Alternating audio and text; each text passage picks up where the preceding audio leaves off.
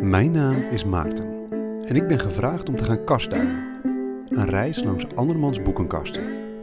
Want welk meubelstuk vertelt je nou meer over iemands verlangens, ambities en dromen dan een bibliotheek? Deze week ben ik op bezoek bij cabaretier Hans Sibbel, ook wel bekend als Lebbes. Hans is op het moment druk door Nederland aan het toeren met zijn voorstelling De Bovengrens. Maar tussen de bedrijven door ontvangt hij me in de oceaan van stilte die zijn woning is. Hier beginnen met de boek en dan kunnen we beneden lopen. Ben jij, ben jij eigenlijk een lezer? Ja, best wel ja. Ik vind altijd dat ik te weinig lees, maar ik ben wel een lezer ja. Ik vind het heerlijk te lezen. Maar ik ben een beetje ongedurig gelezen. Weet je, ik kan heel goed eh, eh, een, half uur lezen en dan ben ik alweer ongedurig. Dan moet ik even wat anders doen, maar dan, dan, dan, dan roept het boek mij weer. Dus eh, ik kan niet in, in één keer een roman uitlezen of zo. Sowieso lees ik niet zo heel veel romans. Maar ik ben meer van de, van de, van de non-fictie. Maar ik, dus ik, ik, ik, vind, ik vind lezen heerlijk, maar uh, in bursts, weet je. Een half uurtje, drie kwartier in de trein, even een stuk lezen, weet je wel. Dat vind ik heerlijk. Wat roept je dan weg op zo'n moment, na dat half uur? Ja, ik ben een ongedurig mannetje. Ik, ik heb dan, dan denk ik, ik kan, kijk, als ik aan het lezen ben, dan komen er allemaal gedachten in me op. En, en ik, ik lees bijvoorbeeld nu heel veel over Amsterdam, want ik ga, een, ik ga een theatervoorstelling over Amsterdam maken in juni, in de kleine komedie. En dan dan heb ik heel vaak dat ik iets lees en, meteen, en dan ontstaan er in mijn hoofd, oh, dat, kan ik dat vertellen en kan ik dat vertellen en ga ik het meteen opschrijven en zo. Dus dat heb ik wel veel. Hoe, uh, hoe, hoe ben je daarin te werk gegaan? Wat, wat moet het sowieso worden met, over Amsterdam? Ik bedoel, is er een bepaald punt dat je gaat maken? Hoe, hoe, hoe gaat dat? Ja, er is wel een punt wat ik maken. Dat ga ik uitvinden nu nog. Ik had gewoon, uh, mijn impresariaat kwam met het idee. Er, stond op Netflix een documentaire over de, de New York Stories, gewoon over New York. En, en toen zeiden ze, waarom doe je niet voor Amsterdam? En toen dacht ik, wat leuk, want ik wil niet elke keer hetzelfde soort cabaretprogramma maken. Dus dit was bijna een schrijversopdracht. Dus ik ben nu helemaal gek aan het lezen over Amsterdam. En het punt wordt wel... dat is het boek van Shorto, ook wel een van de eerste boeken die ik las, over dat Amsterdam een unieke, uh, zeker in de 17e eeuw, 18e eeuw, een unieke plek is geweest op aarde, werkelijk. Om allerlei redenen is het echt, daar is het vrijdenken begonnen, weet je wel. We hadden geen, er waren geen, geen, geen keizers die ons eronder hielden, er was geen er waren geen bisschoppen die zeggen dat je niet zelf mocht nadenken. En hier, waar, hier werd gewoon onafhankelijk nagedacht. En er waren een aantal factoren waardoor Amsterdam, zoals ik het nu zie, toch wel een, een unieke plek is uh, en nog steeds is uh, in de ontwikkeling van, de, van het vrijdenken van de mens. Je noemde het net al waarschijnlijk, maar is er nou een boek dat jou echt ook anders over je stad heeft nadoen denken? Nou ja, Shorto dus, dat boek, ja, dat, dat, dat klopt, ja. Omdat hij wel heel duidelijk het punt van het liberalisme aanzet. Ik heb uh, Mak natuurlijk gelezen, Geert Mak, Kleine Geschiedenis van Amsterdam. Maar dat is meer bijna een, een, een, kanon van dit, is allemaal gebeurd, weet je. Dit zijn de zaken die allemaal gebeurd zijn. En Shorter doet het meer filosofisch. En als je dat dan koppelt aan... Ik heb een boek gelezen over de Noordzee, wat daar de rol van is geweest in onze opbouw. En, en dan, als je dan terug gaat tot het jaar nul dan is er al heel veel scheepvaart en heel veel handel. En daar speelt Amsterdam ook toen al een rol in. En als je dat dan op Amsterdam van toepassing laat zijn, dan, dan, voel je gewoon DNA van Amsterdam al een beetje er doorheen sijpelen. En dat trok dus bepaalde mensen aan die zich daar prettig bij voelden. Door dat te lezen, verandert ook de stad waarin je leeft? Ik bedoel, verandert er ook iets concreet voor jou door dat te lezen hier in de stad waarin je woont? Nee, nee ik, ik, ik wel, omdat ik nu ermee bezig ben, uh, probeer ik uh, veel meer van de stad te zien. Dus, dus uh, ik, anders ga je er redelijk gedachteloos doorheen. Nu fiets ik bijvoorbeeld als ik naar, naar, naar het Centraal Station ga, ik wandel veel meer. Omdat ik gewoon de stad meer wil voelen. En ik, uh, bijvoorbeeld, ik moet morgen naar Den Helder. Dan wandel ik eventjes naar het Centraal Station. Maar dat loop ik dan, probeer ik elke keer e-, even andere route te lopen. Dat ik net weer door een buurtje kom waar ik nog niet geweest ben. En vooral de overgangen in buurten zie ik scherper nu. Hè? Want uh, Amsterdam is natuurlijk in fases gebouwd. En je ziet echt, het, als je de Amstel overgaat, dat daar een nieuwe hè, Amsterdam-Zuid begint. En dat er een totaal andere bouw is. En, en dat, is, dat is heel gaaf. Daarom is een hele, hele diverse stad. Allemaal, allemaal eigen sfeertjes en zo. Dat is echt gaaf. Um, we staan hier nu uit te kijken over iets schitterends, een prachtig park. Maar hier zit niet de bibliotheek. Waar zit jouw, heb jij een bibliotheek? Ja, ik heb een bibliotheek en die is, en daar gaan we voor naar beneden. Stappen over de kat heen hier. Ja, dat is de kat van de buren. Die vindt het hier leuker, want de buren hebben, die passen nu op een hond van iemand. Dus ah. die kat die, die, gaat steeds hier naartoe. Om, uh, om hier uh, naartoe te vluchten. Nou, hier beneden is, uh, nou, kijk, de echte bibliotheek die zit helemaal in het vooronder. Want er staan zes dozen met boeken die ik gelezen heb en niet meer in mijn kamer wil hebben. Dat is te veel. Hey, maar dit, dit is mijn kamer. En uh, nou ja, zijn wat projectjes die hier liggen. Dit, dit, zijn, dit zijn cabaretboeken die ik ooit gelezen heb, die ik gewoon uit uh, nostalgische overwegingen wil ik die uh, hebben. Dit is een stapeltje wat ik net gelezen heb. Het Kakeret vind ik, ik heel leuk. Trevor Noah, kleurenblind, is hartstikke gaaf. Eh, dit ga ik net nog lezen, 1493. Eh, dit is wat ik hoop te gaan lezen. ik heb altijd wel eens wat van Mark Twain willen lezen. Dus toen zag ik die liggen in de Rams voor 3,95. Goud op sneemensen. Dus die hoop ik een keer in de vakantie, gaat zeker gebeuren, lezen. Nou, uh, Sapiens natuurlijk, van Rari. En dit zijn allemaal boeken die met projecten te maken hebben. Ik heb ooit een, een project willen opstarten. Daar ben ik eigenlijk nog steeds mee bezig. Om iets te doen met het uh, periodiek systeem der elementen. Van alle elementen die er zijn, alle verhalen die erbij horen. En dat, dit is een, een opzetje daarvan. Dat heet The Disappearing Spoon. Een boekje en dat gaat over chemie in, uh, door de jaren heen. Eén leuk weet je, er is, een, er is een senator in Amerika en die is blauw. Kan je nu googlen en tik je in blauw senator. En dan kom je een man uit en die is blauw als een smurf. En dat komt door zilver. Hoe heet het wende kwam, de 2000, de Millennium Bug. En hij was heel bang dat het fout zou gaan. En dat, en dat zelfs de senator, hebben we het over. Slimme man, zou je denken. hij was zo bang dat het fout zou gaan dat hij, uh, dat hij dacht, ik, ik, de, de, ziekenhuizen gaan kapot. Hoe kan ik zorgen dat ik niet ziek word? En toen kwam hij op het idee dat hij zilveroxide in zijn bloed moest hebben. Want dat doodt bacteriën. Dat is ook zo. Dat is ook waar. Alleen, daar word je blauw van. Dus hij heeft gewoon, hij heeft gewoon vanaf 96 of zo, is hij heel veel zilveroxide gaan drinken. En uh, is hij langzaam blauw geworden. En dat gaat nooit meer weg. En hij zegt, ik zou het zo weer doen. Oké, okay, zit hier genoeg blauw hier? Hoe blauw moet ik me voorstellen? Dan? Nou, lichtblauw. Je ga maar, ga maar googlen, eventjes een beetje dit blauw. Wauw. Hugh Laurie, The Gunseller. Hartstikke leuk boek. Tien jaar geleden gelezen. Ik heb alles van Stephen Fry en Hugh Laurie. Welke van de twee vind je grappiger? Uh, ja, op een andere manier. Ik, nee, want Hugh Laurie heeft natuurlijk weer een prachtige serie op tv gemaakt. Met uh, de dokter, dokter dinges, weet je wel. Uh, en, maar Stephen Fry is wel de, de echte denker. Die, die is natuurlijk fantastisch, hè. Over het geloof heeft hij fantastische dingen gezegd. Nee, dat is echt wel een, een big one. Lees je, ik, ik, nou ja, Mark Twain zelf. Ik bedoel, als je aan je one-liners wil werken, dan heb je met Mark Twain een van de, ja. de beste in huis. Maar lees je veel collega's? Uh, nee, niet speciaal. Nee, nee, nee. Maar Bill Hicks bijvoorbeeld, die staat daar. Die, dat is echt een fantastisch boek uh, wat ik gelezen heb. Uh, dus die wel. En ja, ligt eraan. En, en dat was Trevor ja, dat is ook een collega. Prachtig boek ook. Nou ja, je ziet het, het is van alles. Het is, het is een, fantastische biografie van Stephen King over leven en schrijven. is echt een heel gaaf boek dit. Dat is een, een, en dan legt hij ook uit hoe je moet schrijven en hoe, en hoe hij ertoe is gekomen. Dat hij stijf van de kook tot drie uur in de nacht Carrie heeft geschreven. Fantastisch verhaal. Want hij had niks joh in die tijd. Hij, hij, en uh, nou goed, toen had hij dat geschreven en toen had hij, had niks op zijn kont te krabben. En toen wordt hij na drie weken opgebeld van... Uh, je schrift is verkocht voor een miljoen euro. En hij was meteen... maar hij, hij, dat tempo van Stephen King is eigenlijk niet. Ik bedoel, ik weet niet hoe hij het fysiek doet. Even los van gewoon geestelijk. Maar die man lijkt gewoon een soort, bijna als een soort algoritme, gewoon tekst uit te Nou, ratelen. Het lijkt wel, maar kijk, weet, het, is, het is hetzelfde met Bob Dylan. En die, die blijft maar liedjes schrijven en zo. Er zijn gewoon mensen. En die kunnen bij een vakje in hun hersenen. waar ik heel soms bij kom. waar ik heel veel moeite voor moet doen. Namelijk, dat is, dat is puurheid. Die, die, op een of andere manier lukt het ze om. om het gevoel wat ze hebben, uh, onze grote, een paar van die grote schilders hebben dat ook. En die kunnen dat dan gewoon. Ja, en zoals ik ideetjes heb, ik heb, uh, ik heb elke dag wel tien ideetjes over dingetjes, weet je. Zijn het bij hun meteen hele goede ideeën. Omdat ze gewoon volgens mij net wat dieper in hun geest kunnen afdalen. En waardoor er een soort grens niet is. Die wij meteen wel hebben. Waar ik denk, ja, kan ik eigenlijk niet zeggen, kan ik eigenlijk niet doen. Waardoor het allemaal wat braver en minder interessant wordt. En sommige mensen kunnen dat, ja, die kunnen, die kunnen daarbij. Wat moet jij ervoor doen om daarbij te komen? Nou, uh, veel vallen en opstaan. En, uh, en uh, wandelen, nadenken. En dan hopen dat je af en toe bij een gedachtetje komt. Dat mensen echt zeggen van, hé, of ja, zo heb ik eigenlijk nog nooit naar gekeken, weet je. Dat hoop je, dat dat lukt af en toe. Is een goede komiek ook een goede schrijver? Hoeft natuurlijk niet. Hoeft niet, maar, maar als ze schrijft... Zonneveld was een, die schreef niet zelf. Dus, dus dat hangt er vanaf. Nee hoor, een hele goede komiek kan alles laten schrijven.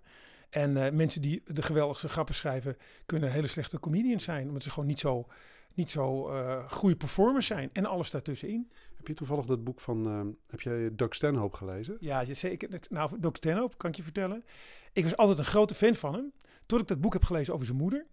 En toen ben ik afgehaakt, want uh, hij heeft het boek gelezen over de zelfmoord of over de moord van zijn moeder, of dood van zijn moeder, euthanasie van zijn moeder. Ja, laten we even zeggen, wie is uh, Doug Stanhope voordat we doordenderen, want ik, ik, mijn eigen fanboyschap, uh, ik ga er inderdaad doorheen. Maar, maar begin, wie, wie, is Doug Stanhope ook alweer? Uh, Amerikaanse comedian en een beetje opvolger van Bill Hicks, maar heel rauw, heel, maar altijd goede gedachten, weet je wel. Hij heeft altijd slimme, goede, originele gedachten, maar best wel uh, hij verwoordt zich redelijk grof en het gaat vrij veel over seks en wat ik veel dingen. Maar, maar, ik, hij heeft ook prachtige andere, echt, hij, heeft echt, hij zegt hele goede dingen. Alleen even over dat boek. Ik, ik was altijd een enorme fan van hem. Ik heb al zijn shows gezien. Maar in het boek wat hij op een gegeven moment schreef, uh, blijkt dat het gewoon een eikel is. Dat hij gewoon bijvoorbeeld echt trots op was. Dat hij in een callcenter mensen kon oplichten omdat ze gewoon dommer waren dan hij. Ja, als mensen erin stinken, zei hij, dan doen we het. En hij vroeger echt het huis in de fik gestoken en zo. En daar heeft hij ook helemaal geen spijt van. En toen dacht ik, uh, een van de zinnen in het boek is, uh, ik las altijd over white trash. Maar dat bleken wij te zijn, weet je. Maar en toen vond ik het gewoon geen leuke man meer. Toen wist ik net iets te veel. Je moet nooit te veel van je idolen weten. Maar kijk, hij is ook een goede comedian, omdat hij een eikel is. De meeste goede comedians die je kent, zijn niet de leukste mensen. Want ja, wat denk je nou? Je gaat op het toneel staan en je moet bijzondere dingen vertellen. En dan ben je, maar het echte leven ben je heel erg aardig. Dat werkt natuurlijk niet zo goed. Snap je? Hoe, uh, nou, je nodigt de vraag eigenlijk uit. Hoe is die verhouding bij jou? Niet doen, niet, niet die richting opgaan. De verhouding bij mij is, is, en dat mag je bij iedereen navragen. Dat meen ik serieus. Die, daarom kan ik het met zulke grote stelligheid beweren. Ik ben de uitzondering. Het klinkt heel, het klinkt heel kinderachtig, maar ik ben, echt, ik ben lief voor mijn ouders. Ik ben lief voor mijn omgeving. Ik probeer altijd mensen te helpen. En, uh, maar ik kan juist heerlijk uh, tekeer gaan tegen bijvoorbeeld de, de lelijkheid van de politiek. Ook Mark Rutte nu met die dividend. Hij maakt de wereld zo lelijk met zijn gelieg en gedraai. Dat leidt ons land en dat, ik vind het disgusting werkelijk waar. En daar mag ik dan graag wel cabaret over maken. Dat soort mensen maken gewoon elke keer weer de wereld lelijker. Door te, kijk, en dat je als politicus af en toe een beetje moet liegen. Omdat je moet zeggen, eh, ik wist het niet. Maar, maar, dat, dat, en maar nooit is gewoon eerlijk zeggen. Ik zat ook helemaal naast ook. En ja, in het geval van Mark Rutte. Ja, het was vanwege Unilever. Laat ik het gewoon eerlijk zeggen. Nooit. Altijd maar dat blijven draaien en konkelen. En dat, dat is zo lelijk. Ik vind het zo lelijk. Stoort het je wel eens dat jij, dat jij niet die eikel bent? Denk je wel eens, goh, als ik nou dat wel was, dan welke hoogtes... Uh... Nee, want ik vind het helemaal niet leuk om een eikel te zijn. En, en, en ik zal dan maar op mijn manier het moeten bereiken. Ach, en iedereen bereikt, het, bereikt de, de, de hoogte en de diepte in zijn leven op zijn eigen manier. Is er wel eens de angst dat je onbewust dingen meeneemt die dan later op het podium komen? Ik bedoel, volgens mij is dat toch een van de grote angsten van een komiek. Dat je dingen uh, onbewust toch ja. internaliseert en op een gegeven moment weer als jezelf, uh, als je eigen werk op het podium ja, dat Is heel, uh, dat is heel link, dat klopt. En, en daar moet je elkaar scherp in houden. Ik denk dat het me bijna altijd wel gelukt is. Maar uh, ik, sterker nog, ik kreeg laatst in een recensie te horen dat ik een, een bepaalde gedachte al eens een keer eerder in een programma had gehad. En toen dacht ik ook, meneer Jacques Dancone, ja, rot op. Natuurlijk is dat zo. Ik ben Hansi Sibbel, dus er zijn best wel gedachten die nog eens vaker terugkomen. Of die gewoon herhaald moeten worden, weet je. Zoals er elke dag liedjes over de liefde worden geschreven met ongeveer dezelfde invalshoek. Dat wil niet zeggen dat het niet goed is dat het gedaan wordt. Ja, en ik maak af en toe inderdaad wel eens dezelfde basisgedachten ga ik verder. En die basisgedachten vind je eigenlijk ook in Bill Hicks en bij anderen gewoon, gewoon uh, hoe we met elkaar om moeten gaan.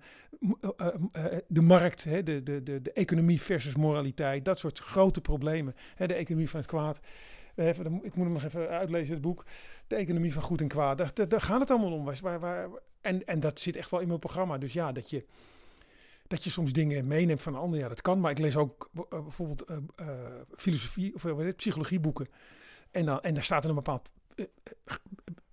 aspect van onze geest in, in, behandeld. Ja, dan neem ik dat mee. En dan schiet er bij mij een voorbeeld van... Ja, verdomd, dat heb ik ook als ik in een rij sta. Voel ik ook dat en dat en dat. Dan neem ik dat mee ik, ik kan natuurlijk niet alles zelf ontdekken, weet je wel. Dus ik moet heel veel lezen en die kennis tot me nemen. Ik kan niet alle, alle uh, filosofie, psychologie boeken zelf schrijven, weet je wel. Dus je leest heel veel en dan brouw je dan je eigen inkijkje in. Met originele, dat, dat, dat moet het zijn, moeten originele voorbeelden zijn. Is er nou een boek hier, het hoeft niet van een komiek te zijn, maar is hier nou een schrijver tussen die, jou, die, jou, nou, die jouw blik en die jouw werk echt beïnvloed heeft?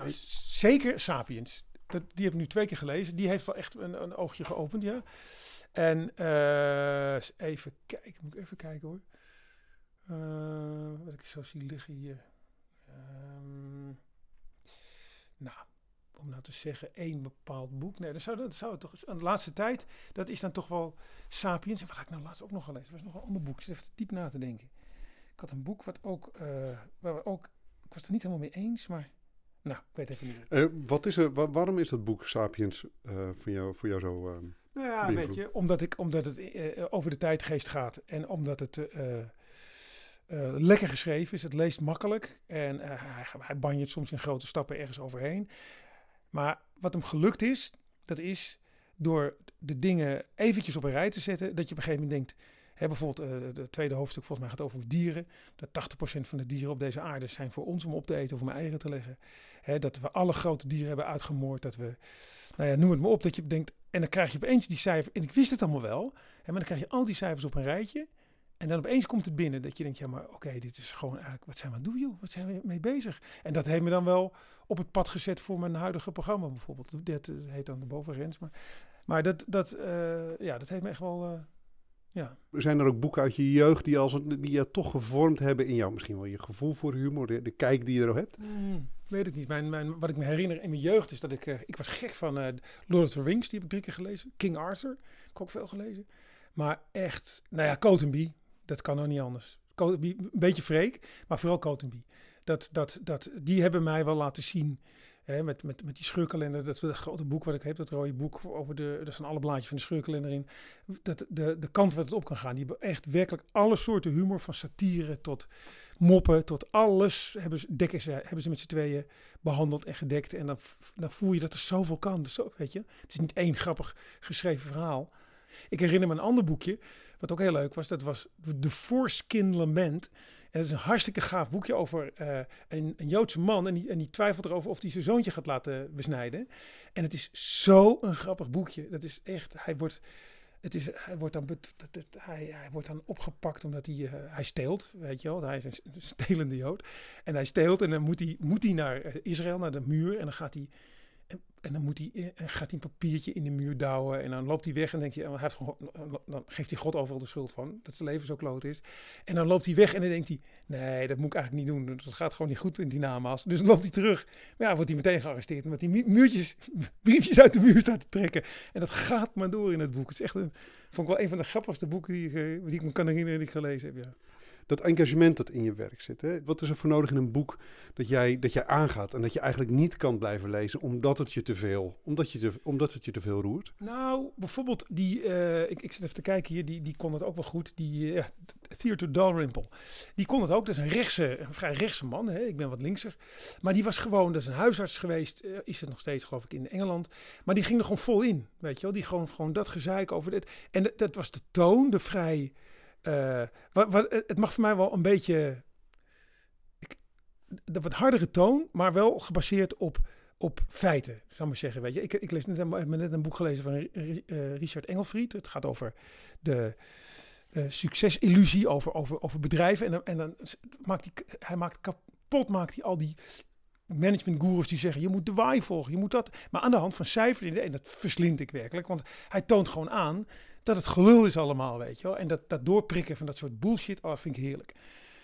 Ja, en een beetje stelling nemen, weet je wel. Een, een, boek is, is voor mij niet heel genuanceerd, maar gewoon van luister, het zit gewoon zo. En, uh, en, en dan ga ik nadenken. Dan denk ik, ja, is dat nou wel zo, weet je. Dat vind ik heerlijk om op die manier een boek te lezen. Ook, ook geldt ook voor, uh, voor Sapiens. Dat zit ik ook te lezen denk ik, ja, maar hier ben ik het niet mee eens. En dan ga ik even denken, waarom ben ik het er niet mee eens? Waarom voelt het niet goed? En dan ga je zelf nadenken terwijl je een gaaf boek aan het lezen bent. Dus dat...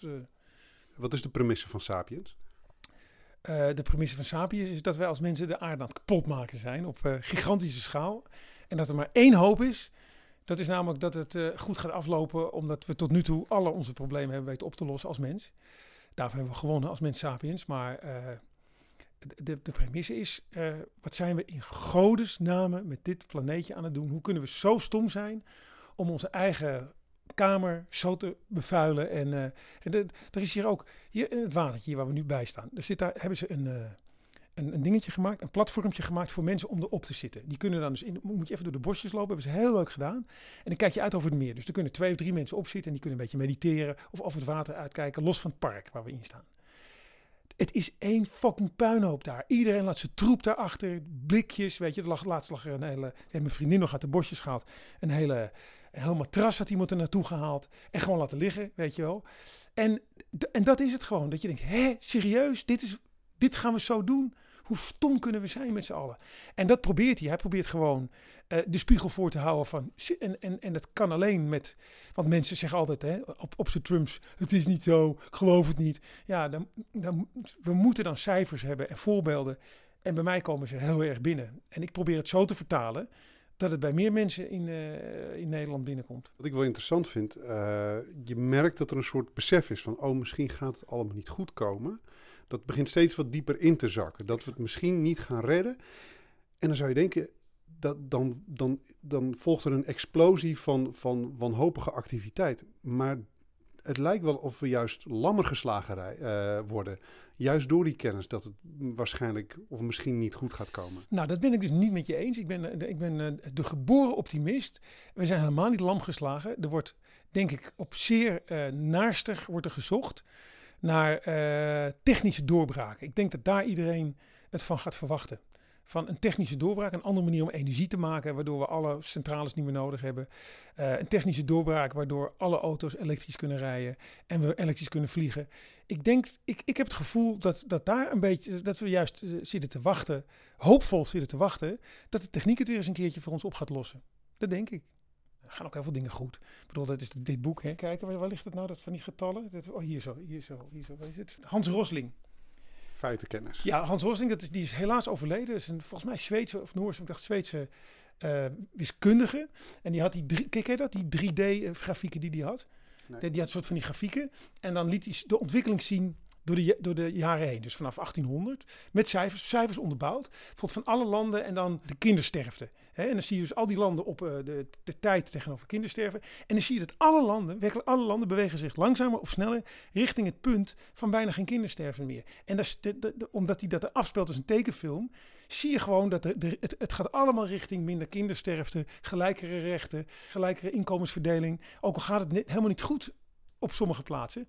Maar grosso modo, als je dus van een helikopterview naar alles kijkt, en dat heeft hij gedaan, dan zie je gewoon dat we met z'n allen ergens naartoe aan het gaan zijn, waar mijn programma letterlijk over gaat. En als je het cijfermatig bekijkt, dan lijkt het erop dat het in principe met hobbels en bobbels de goede kant nog steeds opgaat. Dat vind ik wel heel fijn om te horen, moet ik eerlijk zeggen. Ik wil het ook trouwens heel graag geloven, dat moet ik er ook bij zeggen. Dat, ja. uh, um, maar dat is, dit is wat jou elke dag weer uit bed sleurt en het podium op? Nou, ik, uh, ik sleur niet uit bed. Ik, ik spring op het bed, want dan mag ik een uur hardlopen. En dat vind ik zo lekker. Dus ik, er valt uh, niks te sleuren. En dat is wel wat mij het podium opdrijft. Ja, ik heb een enorme drang om dat uh, met de mensen te delen. Ja, ja, ja, ja. Zit hier eigenlijk een boek tussen dat als je mensen toch... Stel nou dat je die mensen toch enigszins mocht beïnvloeden. Oh. Ja, ik weet het. Ik heb één boek. Dat is mijn lievelingsboek van alle tijden. En het, hij staat hier niet omdat ik hem net aan mijn vriendinnetje heb weggegeven. Die was jarig. En ik koop altijd nieuwe exemplaren dat ik ze heb staan. En dat is uh, Richard Feynman. Hier, dat is hem. Richard Feynman. Richard Feynman heeft een boek geschreven en het heet uh, Surely You're Joking, Mr. Feynman. Het zijn korte verhalen. Lees die man. Dat is de, de, meest briljante man waarschijnlijk die ooit op de aarde heeft rondgelopen. Hij wordt gezien als na Einstein de slimste. Hij heeft meegeholpen met de atoombom te maken. Hij heeft de kwantummechanica meehelpen ontdekken. En hij is behalve een briljant natuurkundige en Nobelprijswinnaar, is hij sociaal heel slim en handig. En een hele lieve man. Dus hij is constant met experimentjes bezig met mensen ook. En het, dat, dat was misschien wel, een, uh, als je het hebt over eye-openers, dan is wel uh, gewoon hoe je in het leven kan staan. Uh, de mooiste wat ik daar ooit over gelezen heb. Richard Feynman, Surely You're Joking. Dit is prachtig. Wat is er aan die man nou dat dat zo beklijft voor jou, dat je het anderen ook meegeeft? Omdat hij laat zien dat je met een liefdevolle, positieve manier in het leven kan staan. En vooral blijf nieuwsgierig, blijf dingen afvragen. We begonnen over Amsterdam, we eindigen met Amsterdam. Amsterdam was de eerste stad waar dit voor gold. Namelijk zelf nadenken over dingen. Niet afhankelijk zijn van, een, van geestelijke, van bisschoppen of van keizers die zeggen je moet zo en zo denken. Maar dat, dat oorspronkelijke, altijd nieuwsgierig blijven van is het wel zo? Vind ik dat wel? En daar is hij de koning in. Dit was de vijftiende aflevering van Kastduinen. Kastduinen is onderdeel van de Slaakast, een podcast gemaakt in opdracht van de Stichting Literaire Activiteiten Amsterdam. Abonneer je voor meer verhalen, gesprekken en avonturen in literatuur. Je kan ons vinden in onder andere de iTunes Store en op Stitcher. Zoek op Slaakast, S-L-A-A-C-A-S-T en klik op abonneer. Goed, dat was het. Tot de volgende keer.